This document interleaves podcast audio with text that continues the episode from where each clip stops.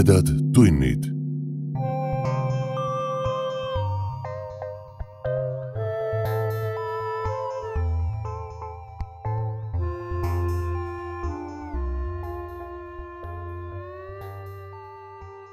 tere, hea ulmesõber. sa hakkad kuulama ulme ja õudusjutu vestmis podcasti Tumedad tunnid kolmekümne kuuendat osa. mina olen saatejuht Priit Öövel tänast osa tahaksin alustada tänusõnadega. kõigepealt tahan ma tänada kõiki meie kuulajaid, kes on aidanud meil järjest rohkemate õudus- ja ulmesõpradeni jõuda. meie podcasti platvormi Podbean andmetel jõudsime äsja viiekümne tuhande kuulamiseni ja see arv kasvab jõudsalt. eriline tänu läheb loomulikult meie toetajatele lehel patreon.com kaldkriips tumedad tunnid, kes aitavad meil elus püsida ja kelle toetus, eriti praegusel ajal, on ülioluline. Teile tahan ka teada anda, et kohe on jõudmas teieni uus osa sarjast Tumedad tunnid ekstra, mis seekord sisaldab üht vana lugu Juhan Jaigi sulest. samuti on valmimas ka järgmine bukett tõlkelugusid. suur tänu kuulub ka loomulikult kõigile autoritele ja kirjastustele, kes on lubanud meil lugeda ette lugusid oma välja antud jutukogudest. aitäh, Raudhammas Fantaasia ja Viiking. ka tänane lugu pärineb ühest raamatust. kirjastuse Raudhammas kogumikust Eestid, mida ei olnud. välja antud aastal kaks tuhat seitseteist, koostanud Indrek Hargla. kui paljud inimesed on tänu Hargla Melchiori juttudele kursis keskaegse Tallinna linnaplaaniga, siis seekord saate Mann Looperi vahendusel aimu sellest, kuidas nägi välja põhjasõjaaegne Tartu ja mis oleks siis saanud, kui linna rünnanud Vene vägedele oleks vastu astunud võimsamad jõud. mina ja Aiki loeme teile Mann Looperi fantaasialoo See linn on meile kalliks maksma läinud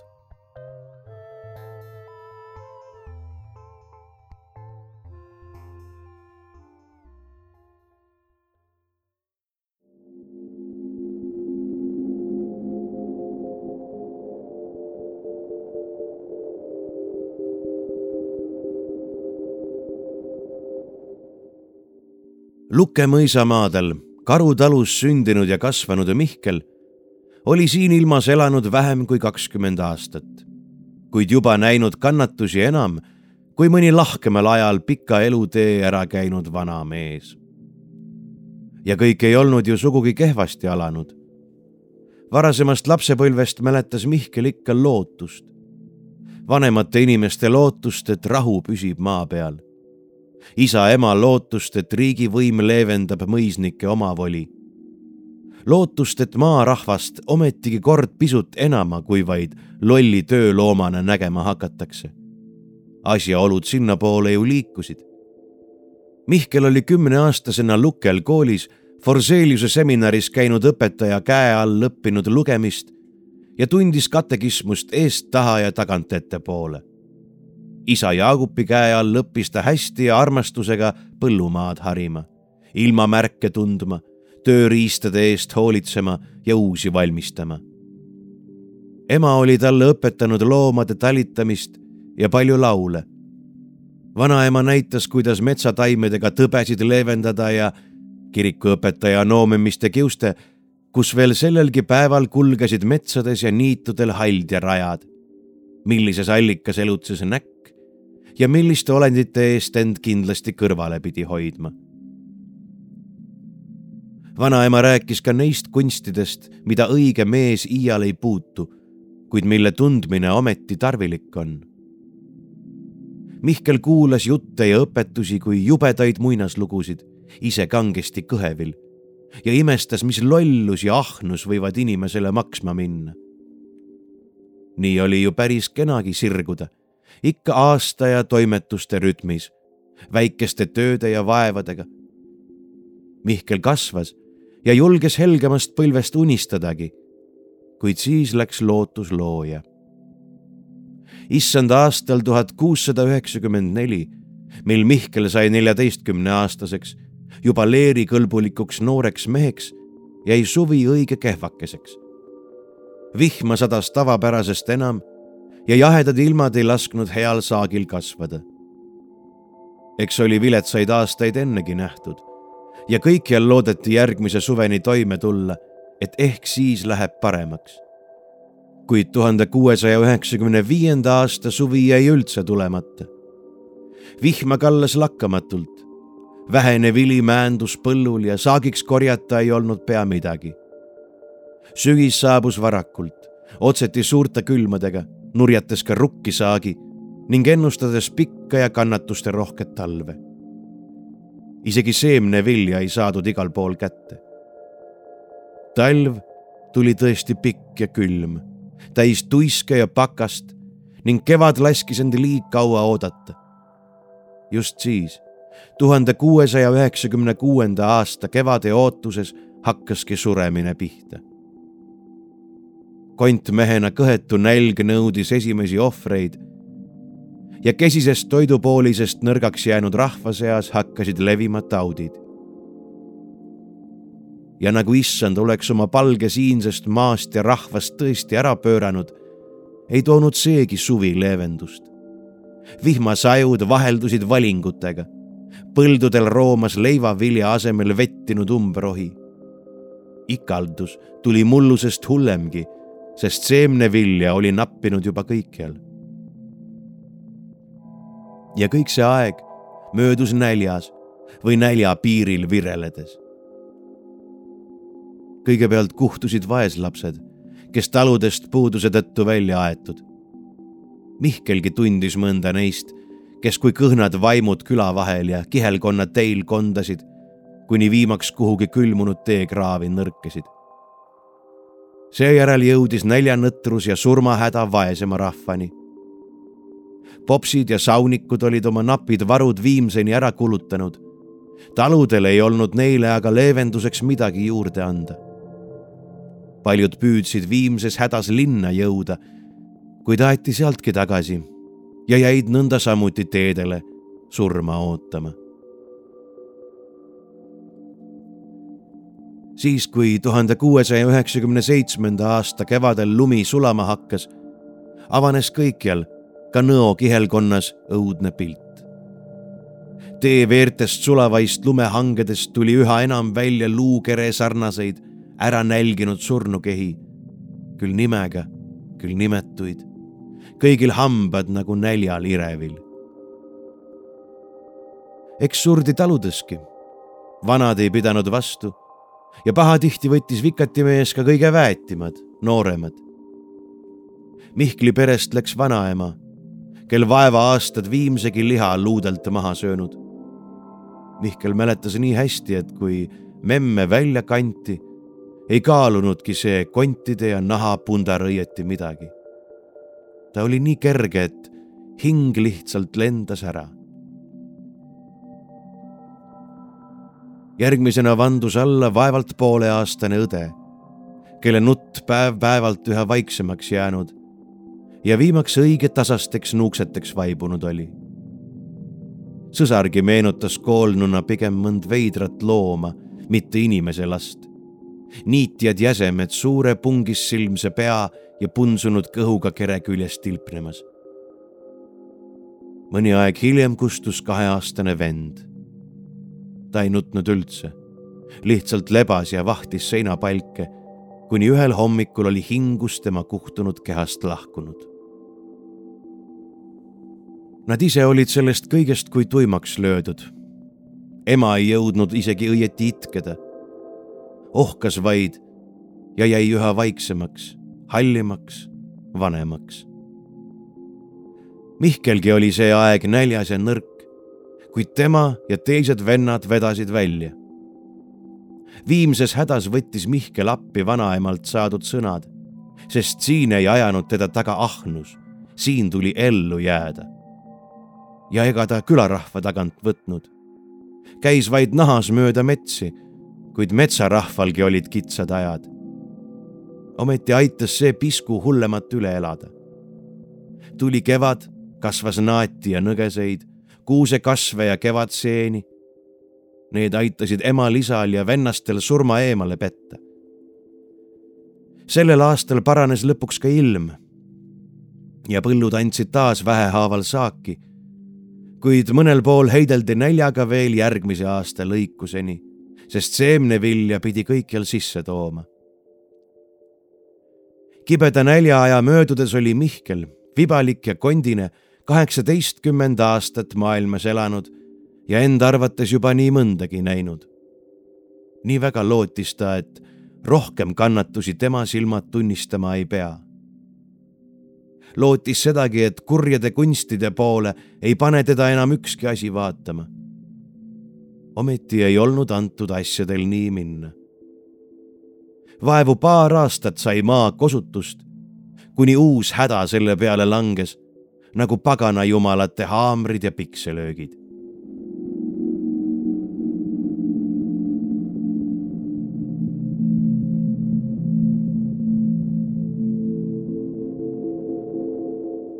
see oli issand aastal tuhat seitsesada, kui Rootsimaa ja tema meretagused provintsid suurde sõtta kisti. vaenuväed ründasid mitme kandi pealt, küll siin ja sealpool Läänemerd. Kõik naabrid pöörasid relvad Rootsimaa vastu, nii vanad vastased, Žespospolita ja Taani kuningriik, aga ka Saksimaa ja auahne Moskoovia nii juhtuski, et juba järgmisel aastal sattus Mihkel kes nii väga oli enesele rahulikku elu soovinud, ometi ühes sama kandi noorte meestega Nõo maaväe koosseisus Tartu linna kaitsele. maha pidi jääma kodutalu, maha jäi mäeotsa Mari. Küll palus Mihkel end oodata, südames siiski teades, et kroonuaeg neiule liig pikaks jääb.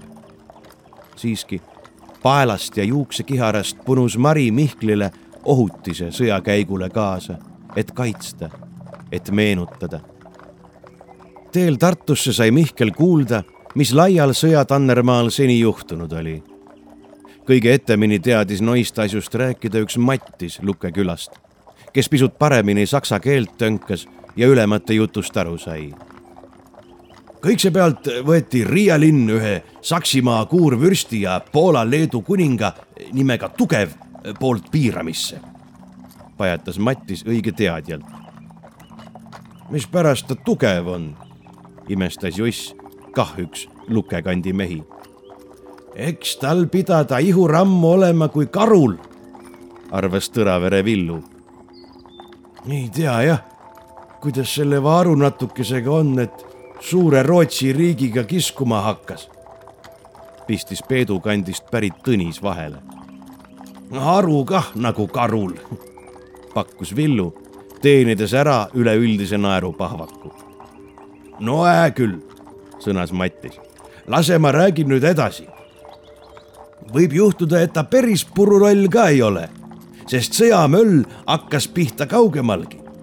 kes neid kõiki meretaguseid maid teab ja tunneb, aga meite noor kuningas Karl sai kõikse pealt kodurannale lähemal võitlusi pidada aga ikka nagu täitsa mees sõdis ju küsis kohe Juss vahele.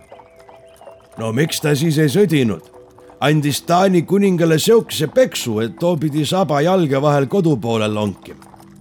Pole see nooreke Karl kaugeltki nii saamatu, kui vaenusepistajad lootnud. no kasigu see Taani kuningas, kus kurat ja siiamaile ärgu ta enam tükigu. ja selle Jussi ütlemisega nõustusid kõik mehed valjuhäälselt teadagi, keda nüüd enam pelgama peaks. kõnni Taani kunni või seda Moskoovia valitsejat. pomises Villu, kuid parasjagu kuuldavalt ikka.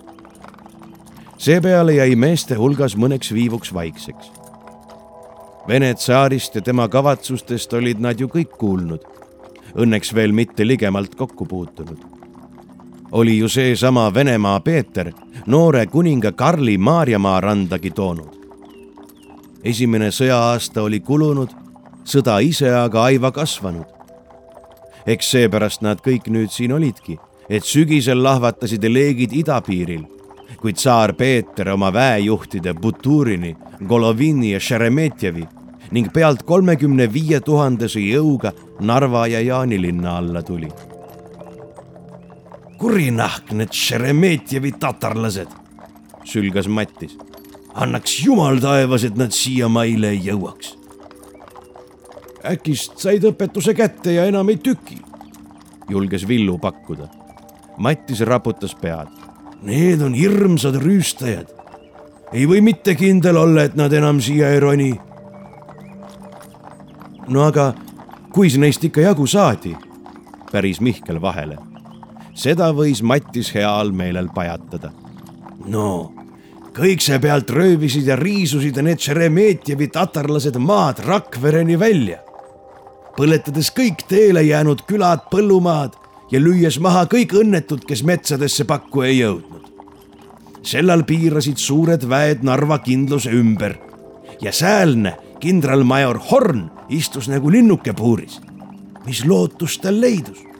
Hornil oli mehi ehk kolme tuhande kandis müüride all sagis vaenlasi aga ordide kaupa. kümme venelast ühe kaitsja vastu. aga näe, oli kasu neist suurtest bastioonidest, mis sinna suure vaevaga ehitati. avitasid suurest tüki tule vastu, avitasid Narvat hoida. mehed kuulasid nüüd põnevusega ja Mattis läks aiva enam hoogu. jaa, eks asi seal Narva manu paistis toda palju halb et sügistormide kiuste Pärnus maabunud kuningas Karl jättis Riia linna veel leevendust ootama ja ruttas oma kümnetuhandelise väehulga eesotsas õkvalt Narvale appi. No mõelge, mehed, kus kindralmajor Horn võis rõõmustada ja kõrgemat kiita, kui kuulis, et kuningas ise appi tõttab. ja samas, kas mitte ei pidanud ta süda sees värisema, sest kuninga endagi väed jäid Peetri omile kolmekordselt alla.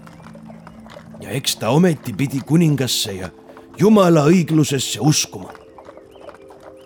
no aga mis vembuga siis Karl Peetrist jagu sai? Pidi Mihkel pärima. võidust oli ta kuulnud küll, kuidas teisiti, aga täpsemaid asjaolusid siiski ei teadnud. Mattis noogutas ja jätkas oma pajatust vaat too oli selle pimeda ja kibekülma kooljakuu üheksateistkümnendal päeval, kui Narva all löödi vägevat lahingut, mis rootslastele veel pikka aega kuulsust toob. oli tõesti nii, et raudpäid oli seal üks kolme vastu, aga sõjakavalus ja usk oma kuningasse ja jumala õigusesse avitasid neid. nii olid väejuhid oma plaanid välja nuputanud, et moskoviite tatarlasi tabati salamisi ja ootamatult. vaat suured tükid on sõjapidamises ühed hirmsad asjad ja kui need vaenlaselt kätte saab, on justkui pool võitu juba käes. nii läksidki rootslased öövarjus just nimelt sinna võitlema, kuskohast Narva peale kõige kibedamat tuld anti. ja egas venelased miskit sellist ei oodanud ka, ehmusid nagu maa alt välja ilmunud raudpeadest nõnda ära, et panid suisa käkas kaela pagema. noh, ja kui suured tükid juba käes, sai need venelaste endi vastu pöörata, parasjagu segadust külvata. ega vist need vaesed kuradid aru saanud, mis kurjad ilmutised neid nüüd kimbutasid. Ja paljud soldatidki tõstsid ohvitseride vastu mässu.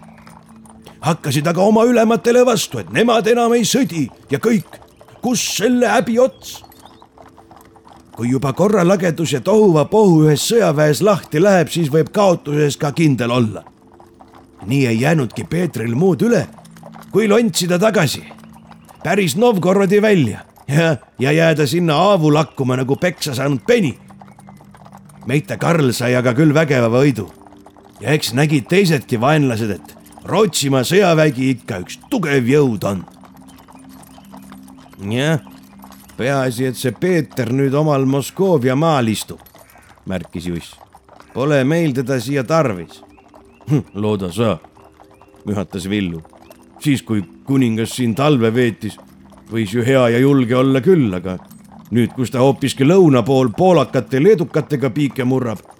kui nüüd see Vašeremetjev oma tatari lõustadega peale lendaks, kes siis maad kaitseks? vot, poisid laksas Mattis enesele vastu põlve. toopärast me ju siin olemegi, et maad kaitsta, kas pole? eks kroonutee on raske küll, aga kes siis kaitseb linnu, kui kedagi teist võtta pole? meie kaitsemegi. Suur saksa rahvas võiks vähe rohkem pingutada. muidu me peame oma verega nende varandusi kaitsma, torises Mihkel. Mattis raputas pead. paksud bürgerid sul nüüd miskit pingutavad. pealegi pole neid kuigi palju, et kõiki müüre mehitada. tead, see va saksa rahvas ei lähe mulle põrmugi korda. aga maa ise läheb. oleks siis etem, kui kõik tatarlaste rüüstada, põletada jätta selle peale ei osanud keegi enam midagi mõistlikku kosta. oma nahka turule viia oli kehv, aga kas muidu parem oleks saanud?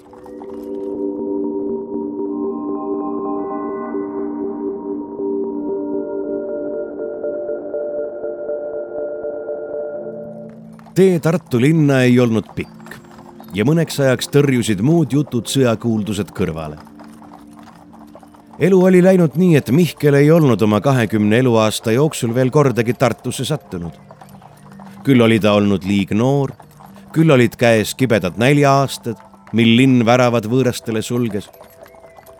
nüüd siis sammus ta elus esimest korda uhke Hansalinna poole, et vajadusel selle eest elugi ohverdada. õigluse peale ei olnud siin mõelda suuremat mõtet. jah linn oli ka Nõo kandi vaesed väravate taha surema jätnud ja tahtis nüüd sealtsamast ometi endale kaitsjaid. ühest oli Mihkel küll aru saanud ja nimelt, et elu ei olnudki õiglane. Villuse eest oli korra Tartusse sattunud ja ei olnud nüüd kitsi oma tarkust jagama. nii palju, kui rivikord lubas, koondusid teisedki sama kandi mehed jällegi pajatusi kuulama. Kõik see pealt on eeslinnad, nood juba ise suured nagu mitu küla teadis Villu rääkida. küll seal on hämaraid kõrtse, kus võib kogu oma teenistuse sita õlle ja lahjendatud viina vastu vahetada. küll on seal kõrtside manu naisi, kes end sulle raha eest pakuvad täidega tükis ja siis võimalusel puupaljaks riisuvad. ja kõrtsi kõrval on kambakesi lurjuseid luusimas, kes annavad sulle üle tahi ja röövivad särgi seljast ja pastlatki jalast. Hea, kui eluga pakku pääsed. nii et hoidke aga silmad lahti, mehed pool eeslinna rahvast on aus maarahvas ja teine pool küll vene, küll liivi, küll läti soost. ja kui sest rägast läbi tulla, siis müüride sisse jäävad juba peenema rahva elamised. linnasaksad jumalale tänu tegelevad rohkem teineteise röövimise ja riisumisega, ikka seisuse kohaselt ja jätavad maarahva rohkem rahule. peaasi, et neile väga jalgu ei jää. No on seal alles suuri vargaid kuld ja hõbeketid kaelas ja peekrites kallis vein, endal käed küünarnukini vastaste verest punased. ja seal on naisterahvaid, kes küll kallisse brokaati riietatud, kuid samamoodi müüdavad, olgu ainult kulda, mida neile maksta. kõige selle pordu urka üle kerkib aga Toomemägi nagu Poola munga paljas pealagi, kus kunagi Jumala koda seisis, nüüd aga vaid varemed. kogu kirjeldusele vaatamata ei osanud Mihkel linna sellisena ette kujutada, nagu nad lõpuks Riia mäelt alla marssides nägid. Mihkel jäi ammuli suvi vahtima jõeorust Toomemäele kerkivaid tüsedaid maakividest punase tellise vooderdusega müüre ning pakse ja peenemaid torne, mis Emajõe linna igast ilmakaarest varjasid maaväemehed sammusid läbi tihedalt maarahva hütte täis tuubitud eeslinna, ajades tänavalt jooksu kanu ning meelitades ligi räpase lastekarja. justkui viina uimas viltu vajunud kõrtsihoone ees hõikusid neid paar joodikut ja üks nälginud olemisega lits. kuid väeülem passis hoolega peale, et keegi sinnapoole mitte ei üritakski astuda. viimaks sisenesid mehed Tartusse Riia värava kaudu, mille kõrval kurakätt kõrgus Karl Üheksanda bastion ja sellel kõrge torn. hüvakätt kulges linnamüür kurja nimega Piinatornini ja siis jõeäärse bastioni Hedvig Eleonora ja mitte nii auväärse nimetusega Pasatornini, mille juurest linnasolk vihmadega tõepoolest pasatiiki ja siis Emajõkke voolas viivuks ümbritses Mihklit maakivimüüride rõskus ja pimedus. ning siis olidki nad ahtal ja tolmusel Andrease tänaval, mida ääristasid külg külje vastu litsutud kitsad kivimajad. Andrease tänav viis õkvalt raekoja taha ja siit võis silmata hüva kätt avanevat suurturgu koos kärarikka kauplemismeluga. Mihklile näis see nagu mõni suur aastalaat, ehkki Villu kinnitusel pidi säärane kära linnas lausa igapäevane asi olema. suure turu servast keeras maavägi üles Sepa tänavale, kus tõesti ka selle õilsa elukutse meistrite töökodasid leida võis. nii mõnelgi pool ääsid hõõgumas ja Sepa haamrite löögid kirikukelladega võistu kajamas. poolel tõusul sai Sepa tänavast Lossi tänav, sest juba ligineti vanale piiskopi linnusele. Edasi viidigi kõigest linnakärast ja saginast õige uimaseks löödud maamehed üles piiskopi lossi eeslinnusesse, kus asus nende peavari. esiotsa Mihkel linna palju rohkem ei näinudki Nõo mehed pandi kokku kahe teise maaväe, Tartu ja Põltsamaa omadega. ning siis tuli maakeelt küll vigaselt, kuid arusaadavalt pruukiva saksa soost ohvitser Stahli kullipilgu all õppida selgeks kroonureeglid ja trillida rivikorda. seda kõike toimetati ülal Toomel ja all kuivas vallikraavis esialgu veeresid Mihkli ja teiste meeste päevad õhtusse muudkui rivis tammudes ja käsklusi õppides. vastsed kroonusulased marssisid ühte valu kuraditorni juurest müüri veerd pidi ikka paksust kõrgest Basilevitši rondeelist mööda ja ümber varemete. Siis Pika Hermanni ja Kikindi köki varjust läbi ning Toomi väravast välja alla vallikraavi seal all jooksutati mehi ikka Karl Gustavi bastionist Karl Üheksandani ja siis teisipidi tagasi Karl üheteistkümnenda bastionini, misjärel jälle kannal ringi käänati ning Toomi värava manu marsiti, et uuesti linnusesse naasta. vallikraavi pidi rühmates oli kõige uhkem Tartu kindlustusi vaadata, sest nimelt Toome iidsete nõlvadega kokku kasvades kõrgusid linna võimsaimad bastionid mehed viskasid naljagi, et üheksandast üheteistkümneni ei ähvarda linna ükski oht, olgu siis muuga nagu on. alles siis, kui kuulekus piisavalt kõvasti pealuusse taotud, viidi mehed alllinna tundma õppima. ainult müüride vahelt oma päi välja, nii patuselt ahvatlevalt kutsuvatesse eeslinnadesse ei olnud luba minna. müüride vahel aga tuli selgeks saada iga tänav ja nurk iseäranis bastionid, tornid, väravad ja müürid. esimesena õpetati meestele selgeks tee suurde, ehkki viimasest põlengust saati tornita Maarja kirikusse. muidu kuulus maarahvas ikka Jaani kogudusse, kuid garnison pidi Rootsi kirikus käima, mille tarvis Maarja kirikut tarvitatigi. tee ise oli küll õige lihtne, sammusid aga Toomi tänavast alla ja olidki kohal paremat kätt jäi seal veel kunagise Jesuiitide akadeemia järgi nime saanud Kooli tänav. kuid see ei eksitanud.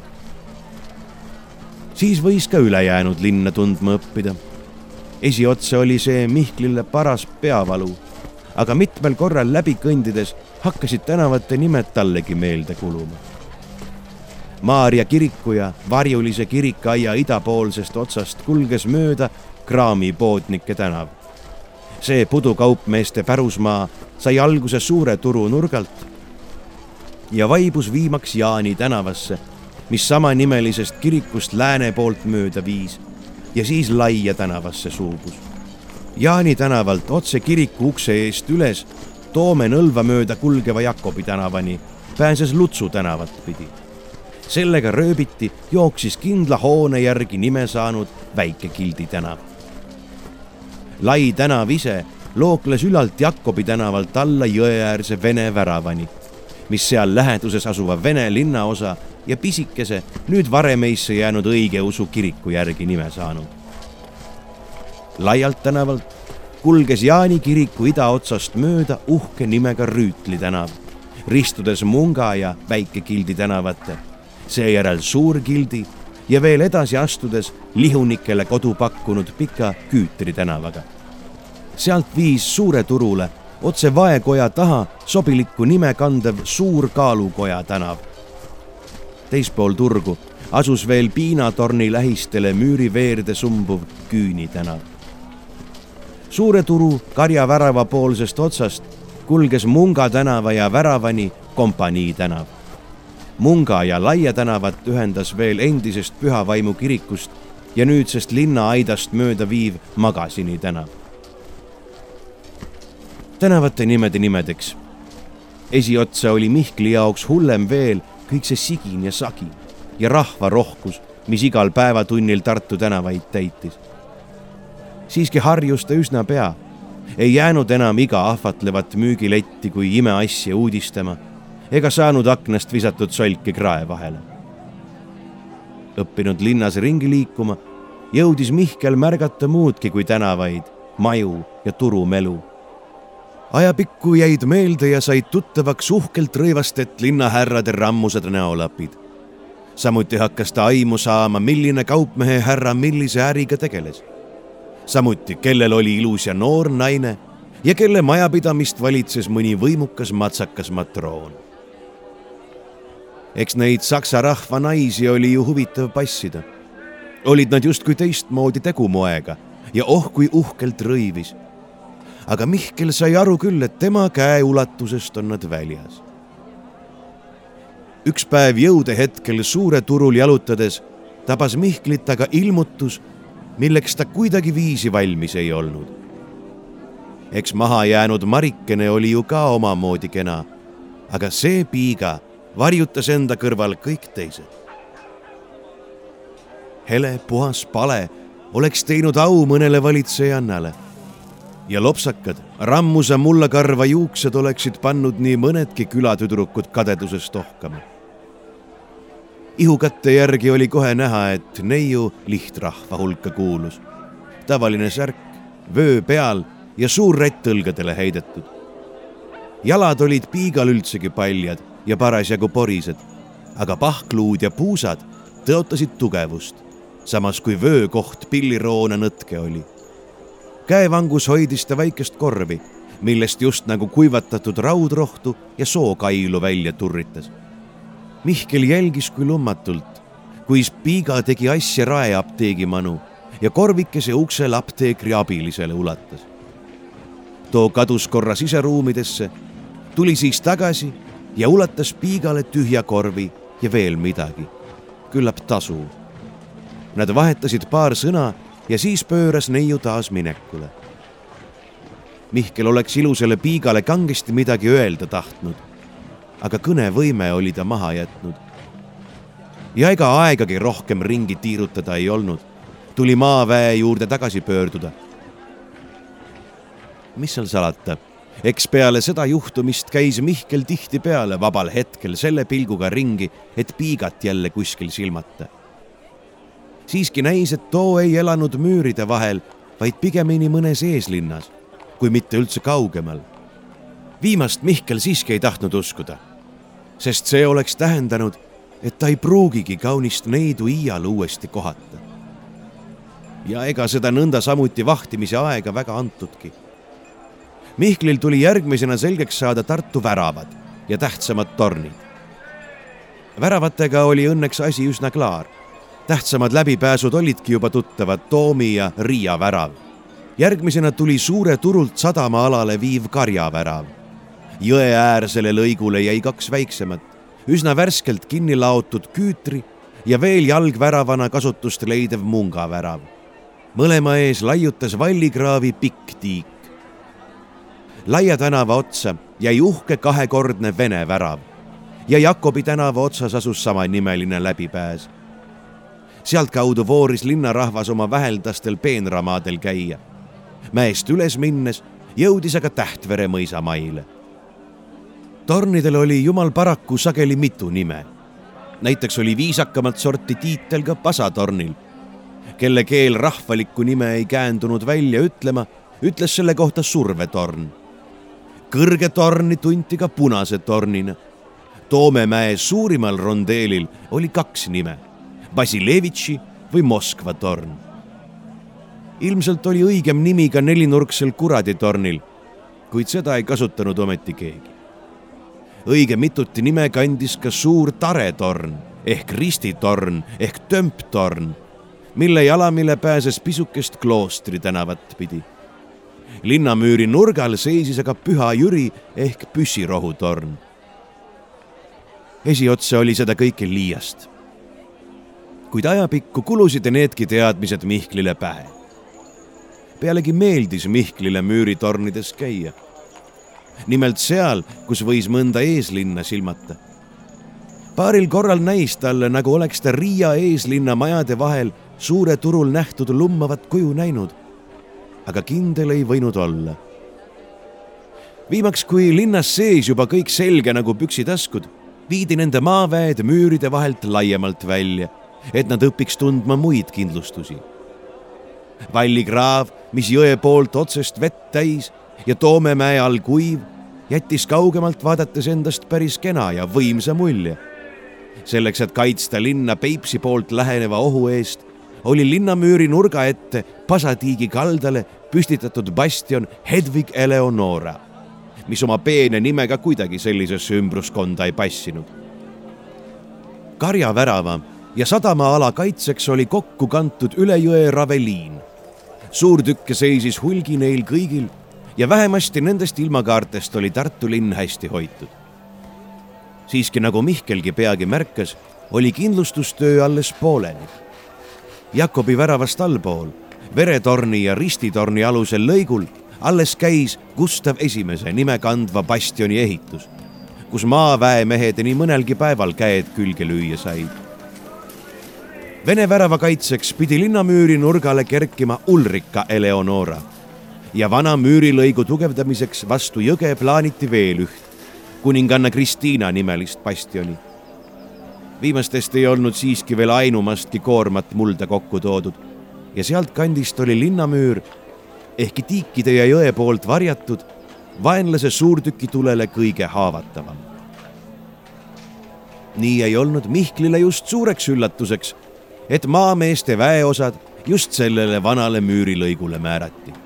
Olid nad ju kõige alamad garnisoni sõdurite hulgas. rohkem oli Mihklil kahjumeel sellepärast, et siit ei näinud nii hästi Riia eeslinna ja selle tänaval kõndijaid, kuni ühe olulise avastuseni. nimelt käisid õige paljud naised siin tiigis pesu pesemas see oli ühel üsna hallil, kuid uduta hommikul, kui Mihkel haigutades postil seisis, kui miski korraga silmi teritama pani.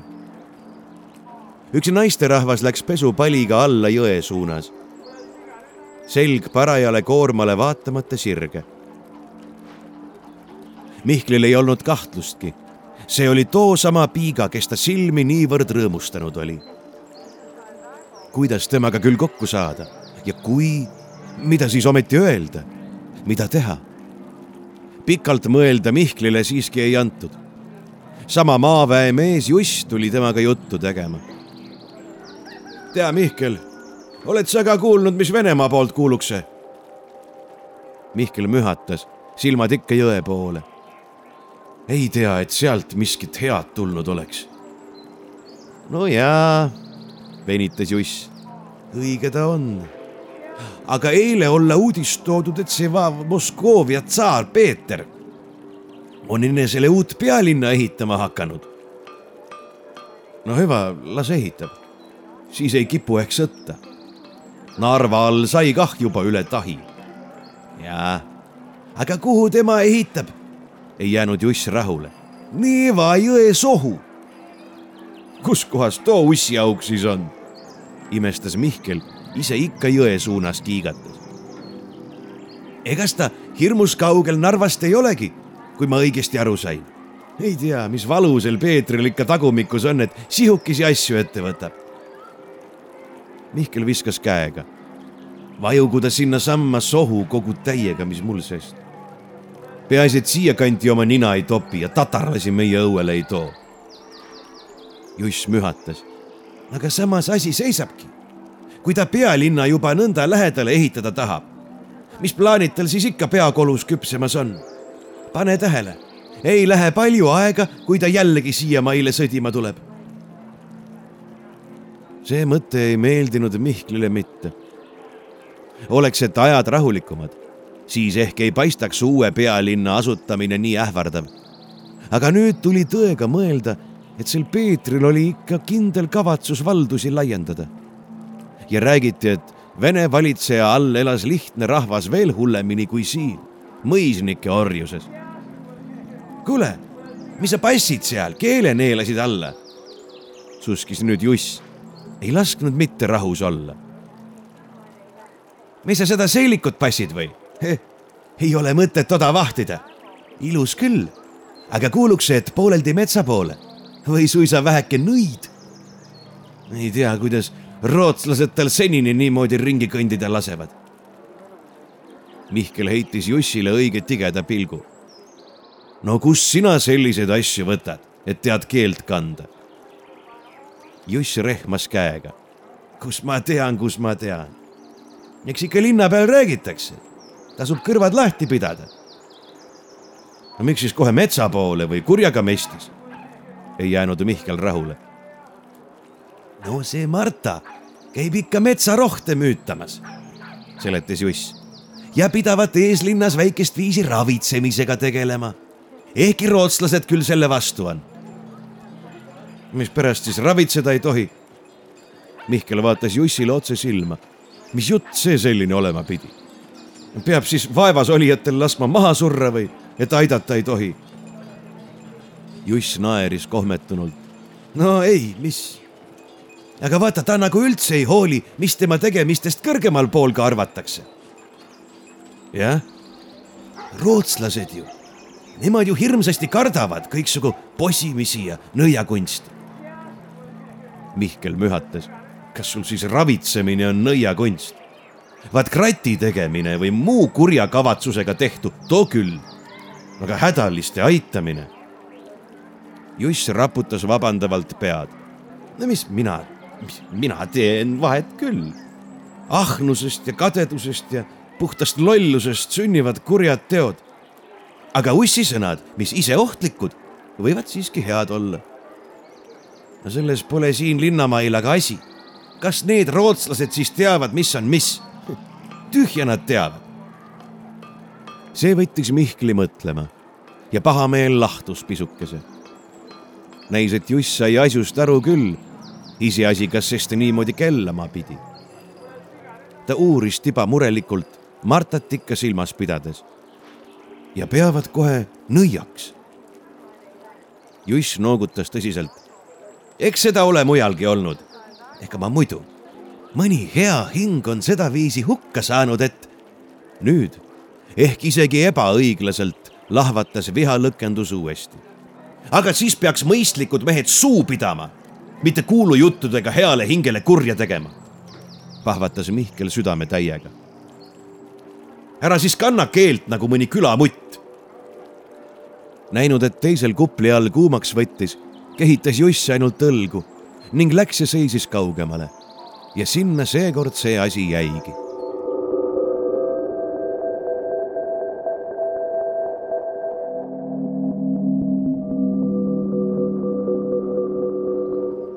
aeg läks omasoodu, küll rahulikumalt, küll rüüstamiste ohus.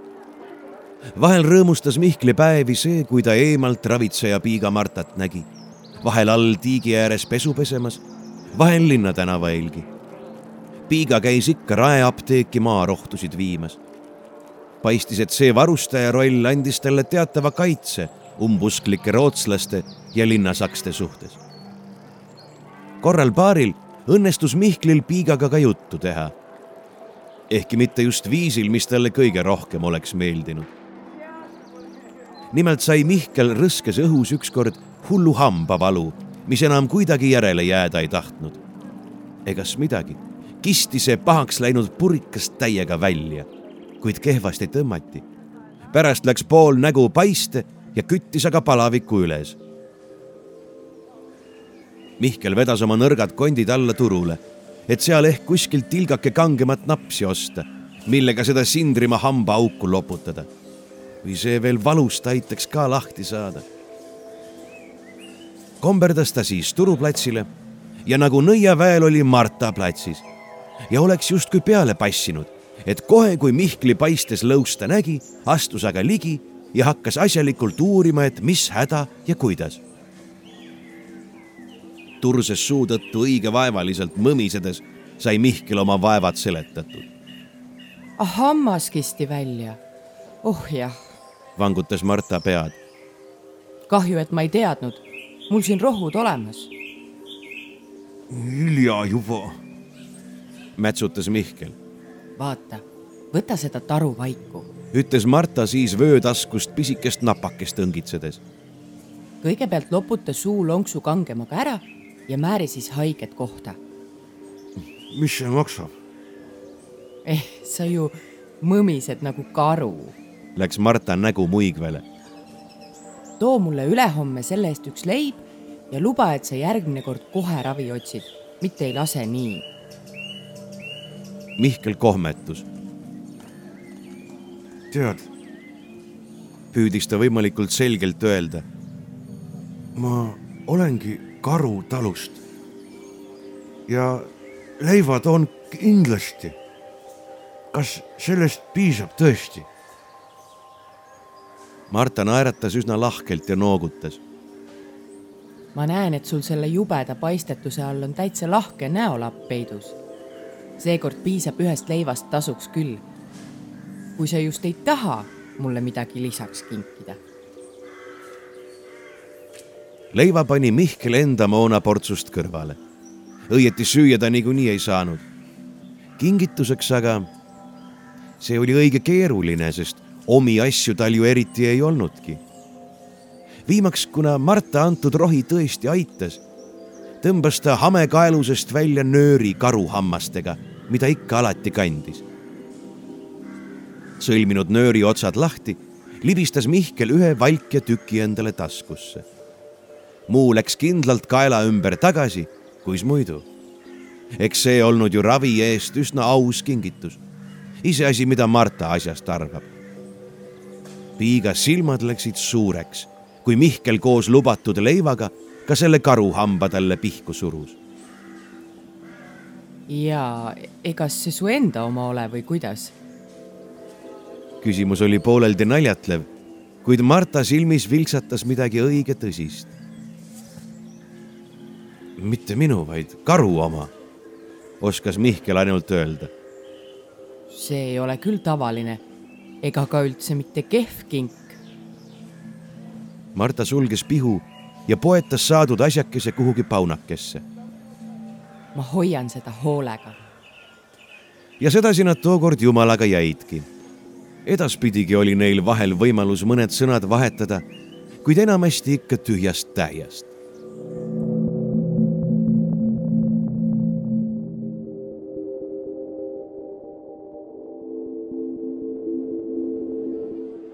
Viimaks, issanda aastal tuhat seitsesada neli jõudsid Tartusse teated, et tsaariväed on taas Narva piiramisrõngasse sulgenud.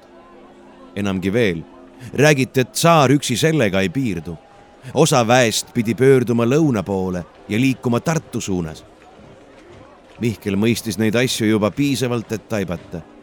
kuningas Karl oli kaugel Poola-Leedule õpetust andmas ja Moskoviit nägi selles head võimalust suurema kaitseta jäänud Maarjamaad rünnata. eks olid ju eelnevatel aastatel läbi viidud röövretked näidanud, et uusi lisaväeosi siia juurde ei toodud nõnda oligi, et garnisonid, maasaksad ja talurahvas seisid Vene vägede vastu omapäi. kaitse siis end, kuidas oskad.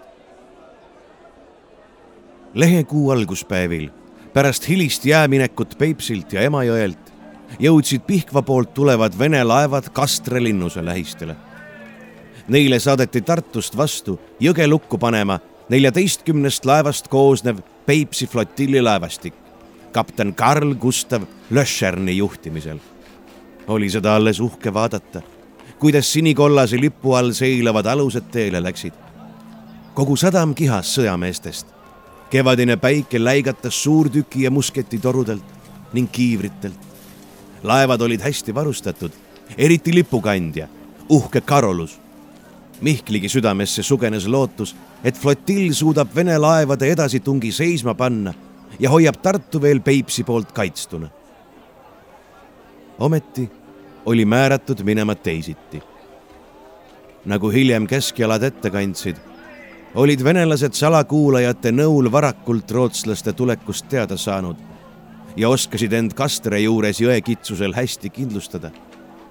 kuidas kõik täpselt sündis, jäi Mihklile pisut segaseks kuid seda ta mõistis, et allavoolu liikuv Rootsi laevastik sattus lõksu. kuigi ebavõrdset lahingut löödi kolm tundi, oli kaotus selgemast selgem. väljapääsmatus olukorras käskis Löschern lipulaeva Karoluse ühes enda ja kogu meeskonnaga õhku lasta. Olgu jumal nende hingedele armuline, et alus ei satuks röövsaagina moskoviitide kätesse.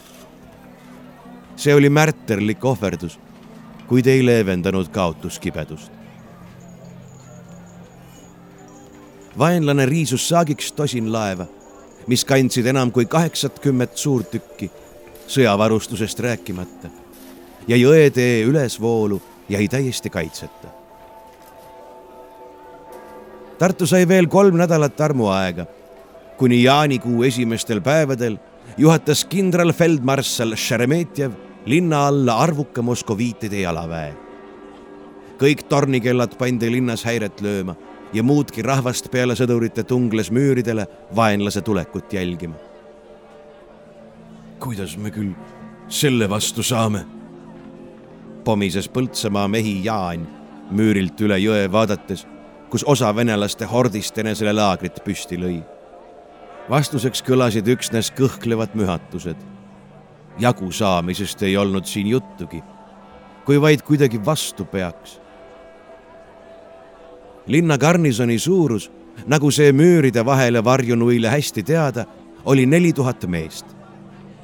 müüride alla kogunes aga pealt kahekümne tuhande vaenlase. Nende hulgad seadsid end sisse Tähtvere nõlval ja Riia mäel ning teispool Emajõge, kus nad asusid paika seadma suurtükke et kõrgematelt asukohtadelt linna peale hävingut külvata.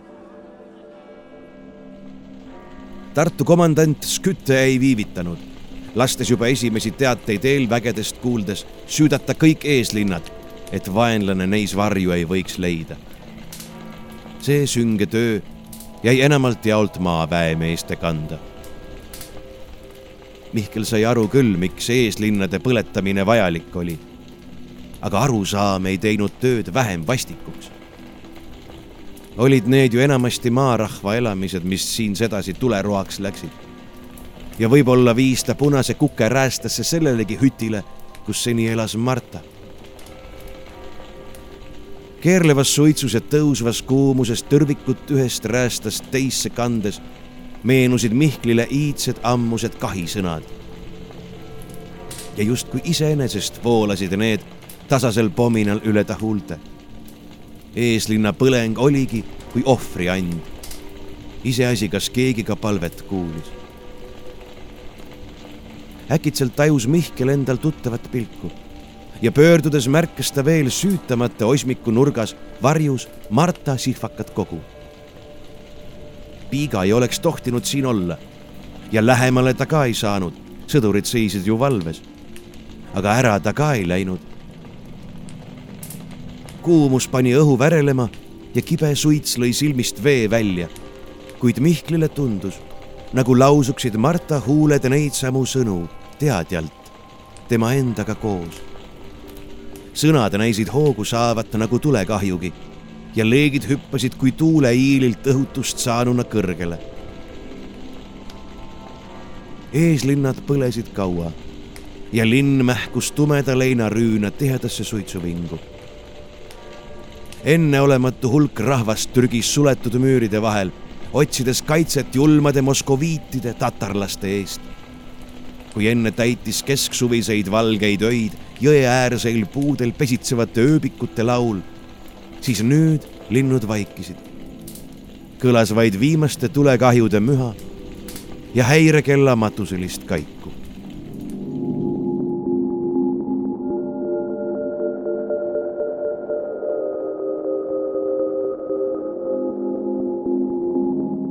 Järgmisel hommikul võis Hedvige Leonoralt näha ülesvoolu kohale seilavat Vene laevastikku, mille koosseisus nüüd ka tosin kaotatud Peipsi flotilli alust seisis. küll oli hale neid seal võõra lipu all näha. kaheksakümmend suurest tükki, teadis Mihkel mõelda, mis nüüd meie endi vastu tuld hakkavad andma. andku issand taevas kaitsjaile jõudu salk salga järel käisid garnisoni mehed jumalateenistustel, et piiramistele ikka puhta südametunnistuse ja jumalaõnnistusega vastu minna. nii seisis ka Mihkel teiste omakandi meestega Maarja kiriku võlvede all, vaatas üles jõuetul kombel risti peal rippuva jumala poja poole ja palus, et võiks eelseisvast elunatukesega pääseda. üheksandal jaanikuu päeval oli Tartu täielikult piiramisrõngasse suletud. kahe päeva möödudes algas pommitamine. neljateistkümnendamal jaanikuu päeval läks tõeline põrgu lahti. suurtüki kõminal ei paistnud enam otsa tulevat. tuld anti nii üle jõe, Tähtverest ja Riiamäelt, põhjustades all linnas palju kahju ikka ja jälle kippusid hõõgvele aetud kuulid tulekahju algatama, mispeale maavägede mehed ühes eeslinnade elanike ja lihtsama linnarahvaga pikkade kettidena vett kandma pandi. tänaval seistes ja raskeid pangi edasi andes oli Mihklil surmahirm, sest küll kiunusid kuulid pisuhändadena üle pea, küll paiskus tabamuse saanud majadest kive ja piikidena teravaid lauajuppe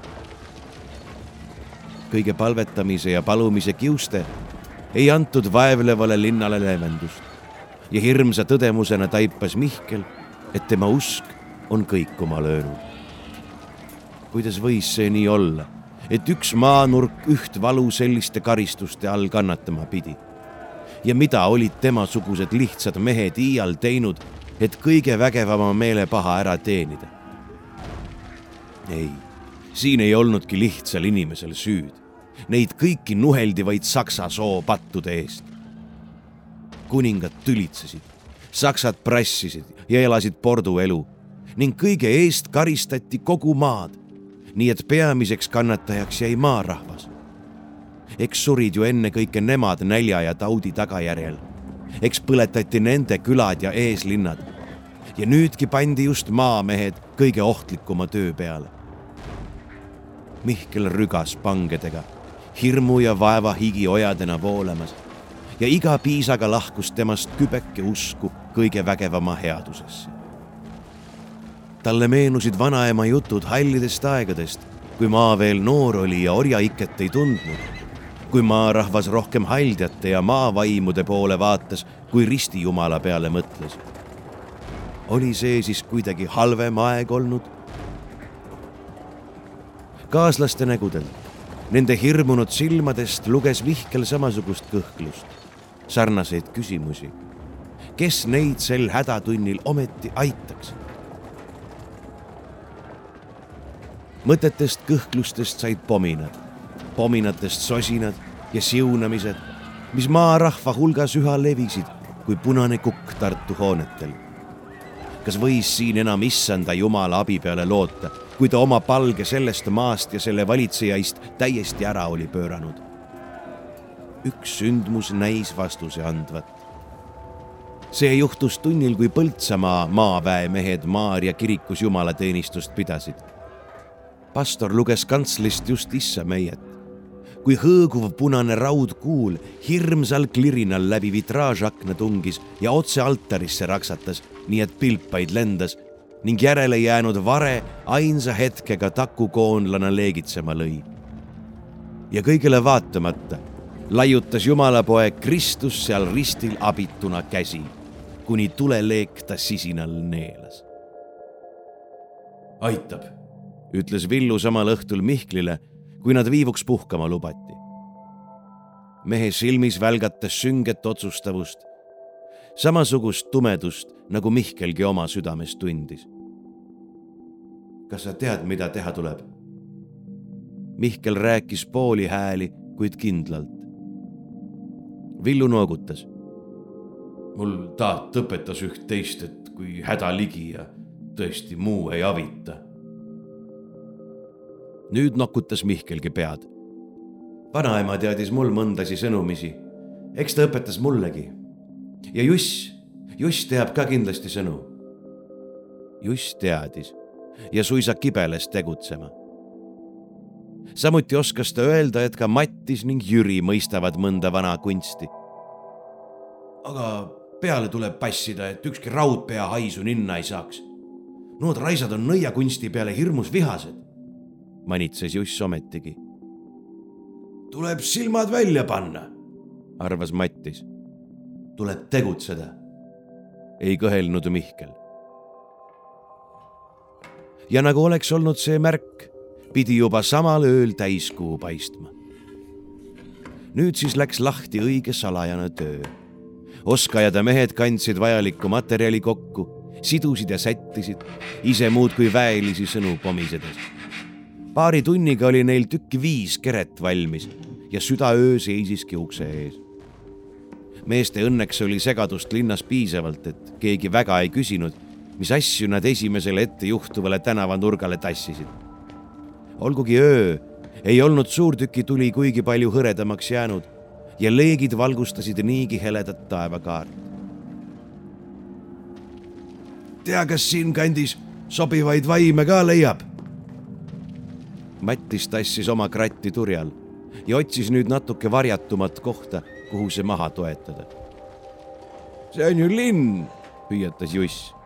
siin on iga nuka peal kümme vihast hinge vingumas, küll me juba parajad leiame. peaasi, et te mehed ettevaatlikud olete. kõlas räästealustest varjudest naise hääl. Mihklil pidi süda rinnust välja hüppama, sest ta teadis veel enne, kui tuules hoogu saanud tulekahju kuma neiu nägu valgustas, seal seisis Marta. nii et sa tõesti mõistad kunste, märkis Juss neidise poole kõõritades. tulid siis ehk meile abisse abi saan pakkuda küll, noogutas Marta. hoian kõrvaliste pilgud sellest tänavanukast eemal ja passin peale, et te liiga tugevaid vaime ei läheks püüdma. Mattis ainult mühatas selle peale ja sättis viimasena oma krati ristteele. ongi vist kõik valmis. ja tõesti, piisas vaid õiged sõnad lausuda. kui nende kõla kratikeredele vajus ja veiklevad varjud meeste ümber pikemaks venisid. maa seest hakkas justkui rõsket uduauru kerkima.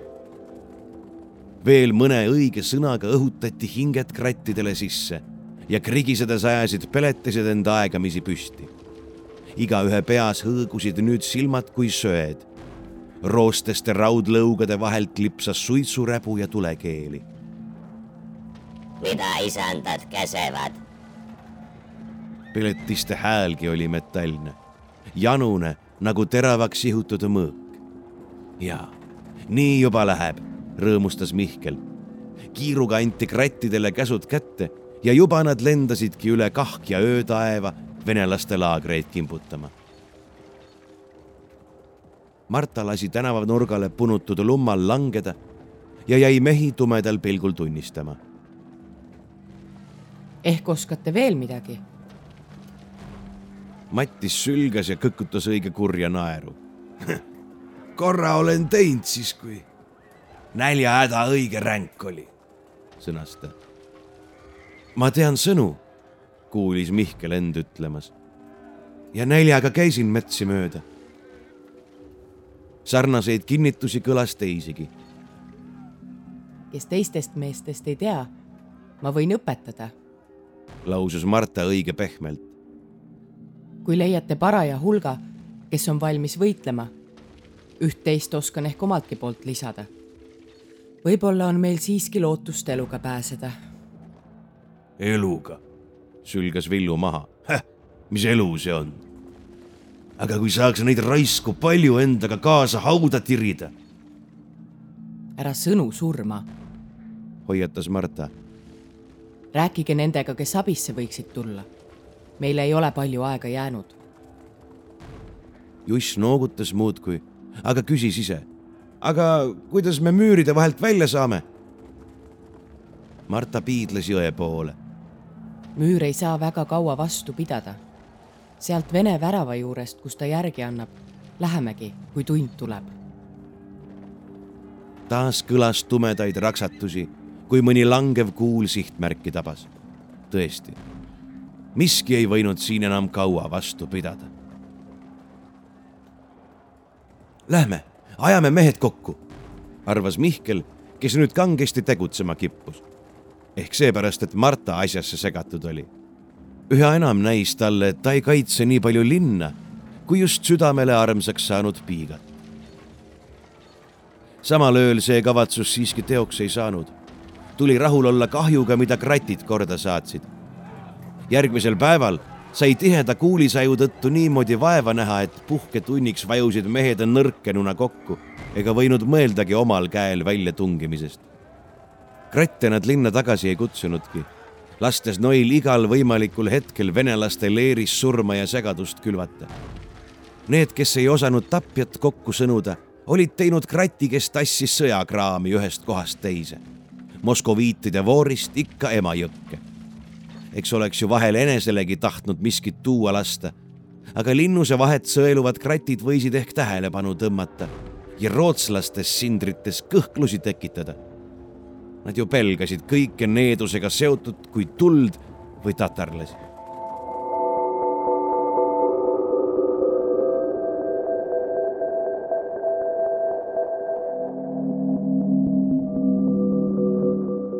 heinakuu kätte jõudes lõi venelaste laager vapsikupesana Kihevile.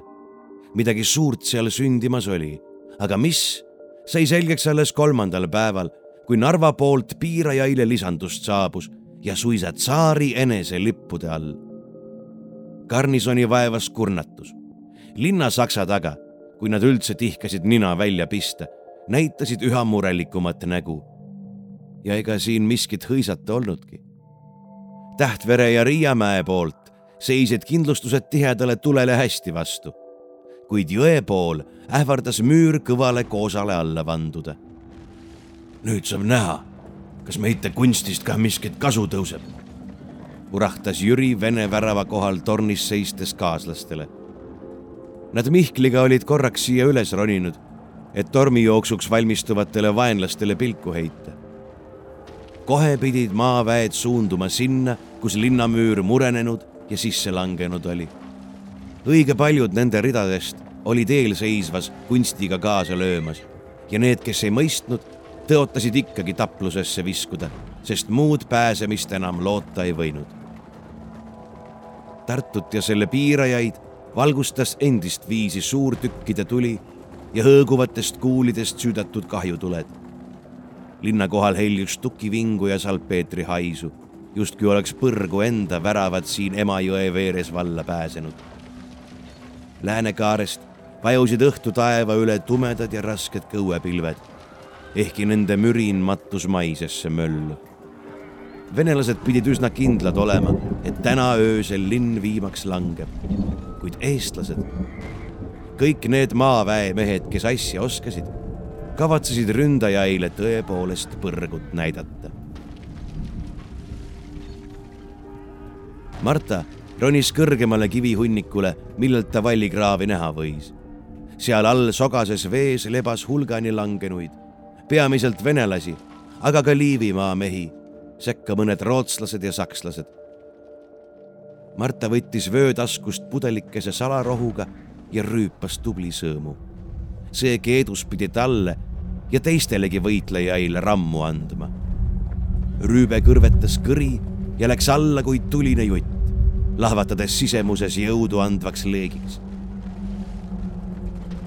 ta tõmbas sügavalt hinge ja lasi esimestel rasketel manasõnadel üle huulte kukkuda.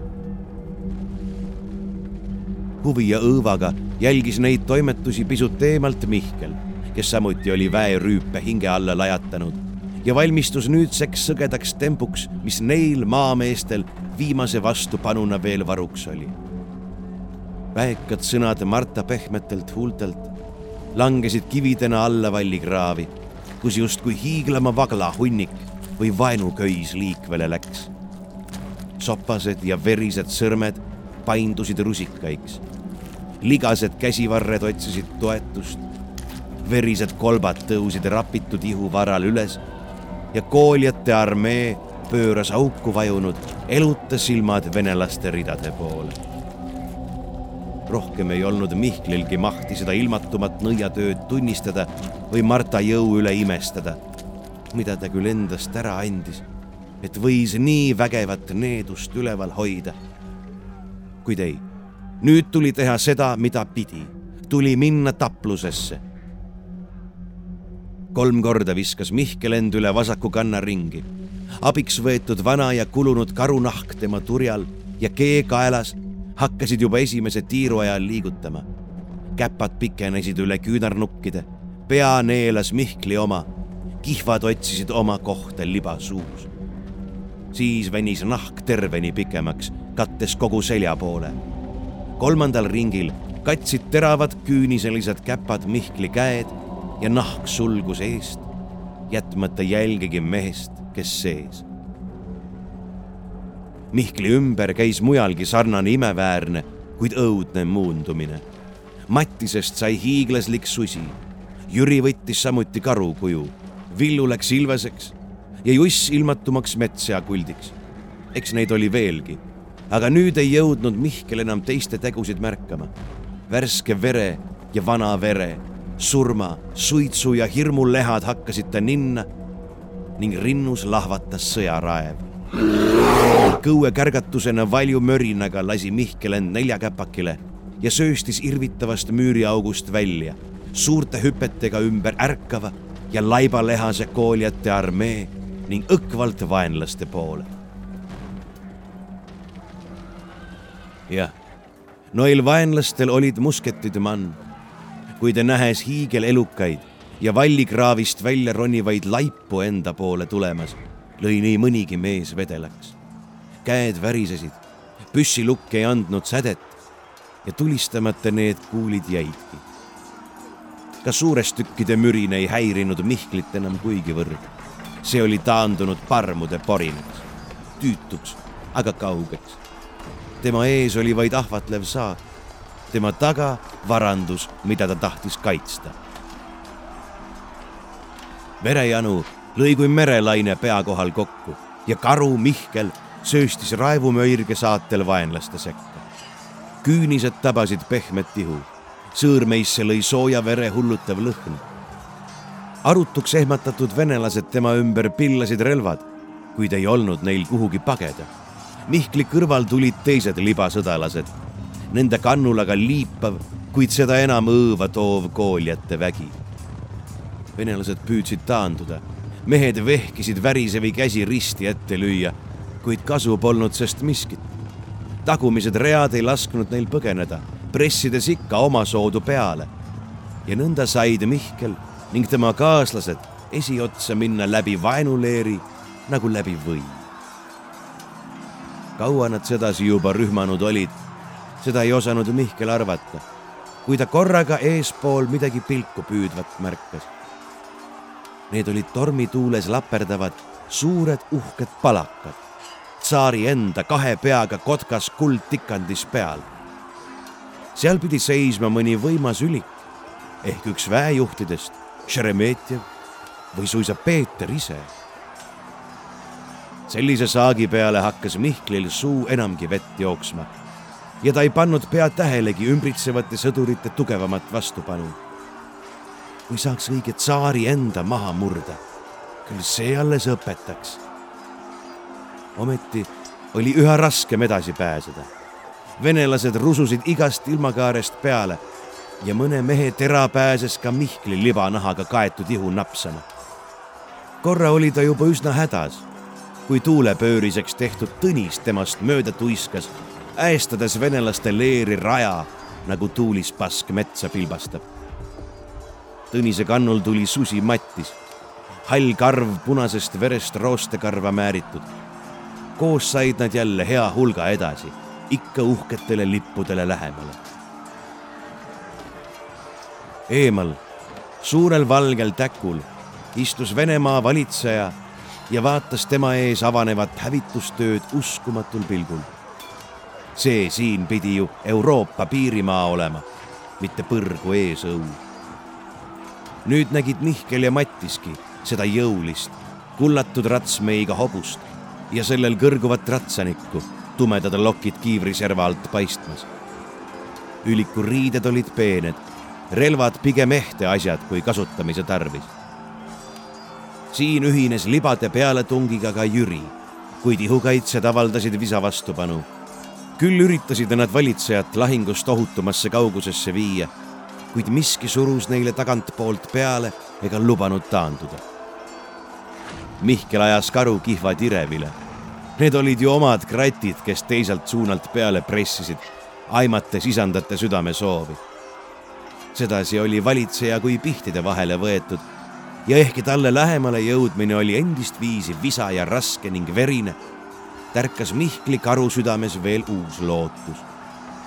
möll, mis lahti läks, oli ühtaegu hullumeelne ja meeleheitlik viimast panid välja nii valitseja ihukaitsjad kui libasõdalased.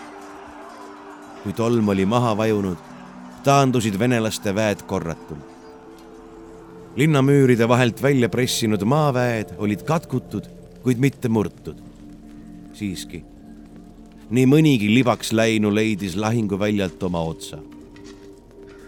Mattise ihu oli surmast taas inimese kuju võtnud, nagu Juss ja Villugi Mihkel ise veritses mitmelt poolt, kuid oli veel hinges.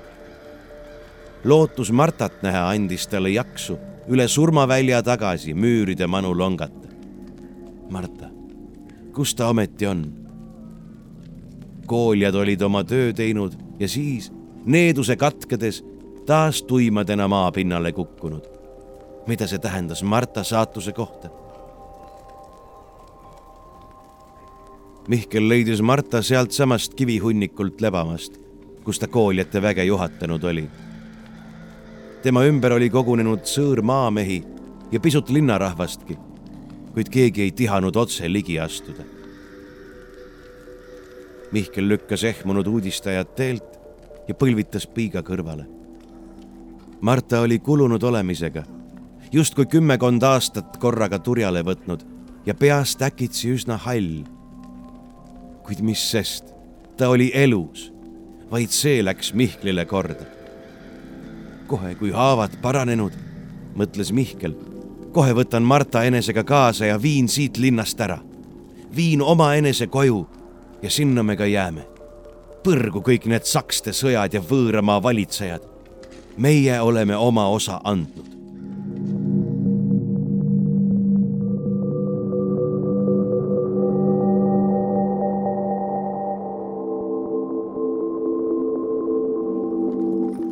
Venelaste väed jätkasid kuulsusetut taandumist.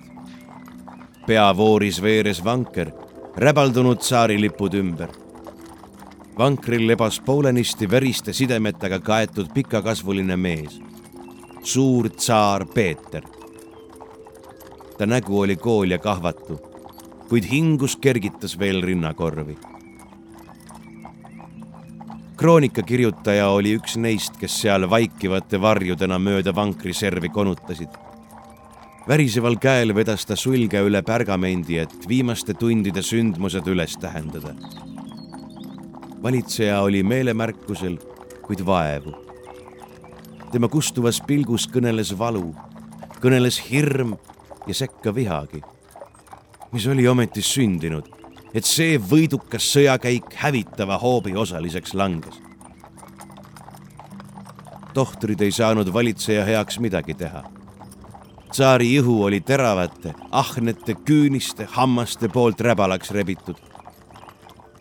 kord pääses Peetri veretult huultelt Kare Oie. põetaja tahtis talle veekannust juua anda, kuid selle lõi tsaar jõuetu käeviipega eemale viina. vastu vaidlemata leiti viinagi. õige pea pärast seda lasi Peeter Esimene kuuldavale oma viimased sõnad, mille kroonikakirjutaja hoolega tuleviku tarbeks talletas. see linn on meile kalliks maksma läinud. kroonikise veel imestas, et kas isevalitseja siis ei taibanud, et Tartut üldsegi vallutada ei õnnestunud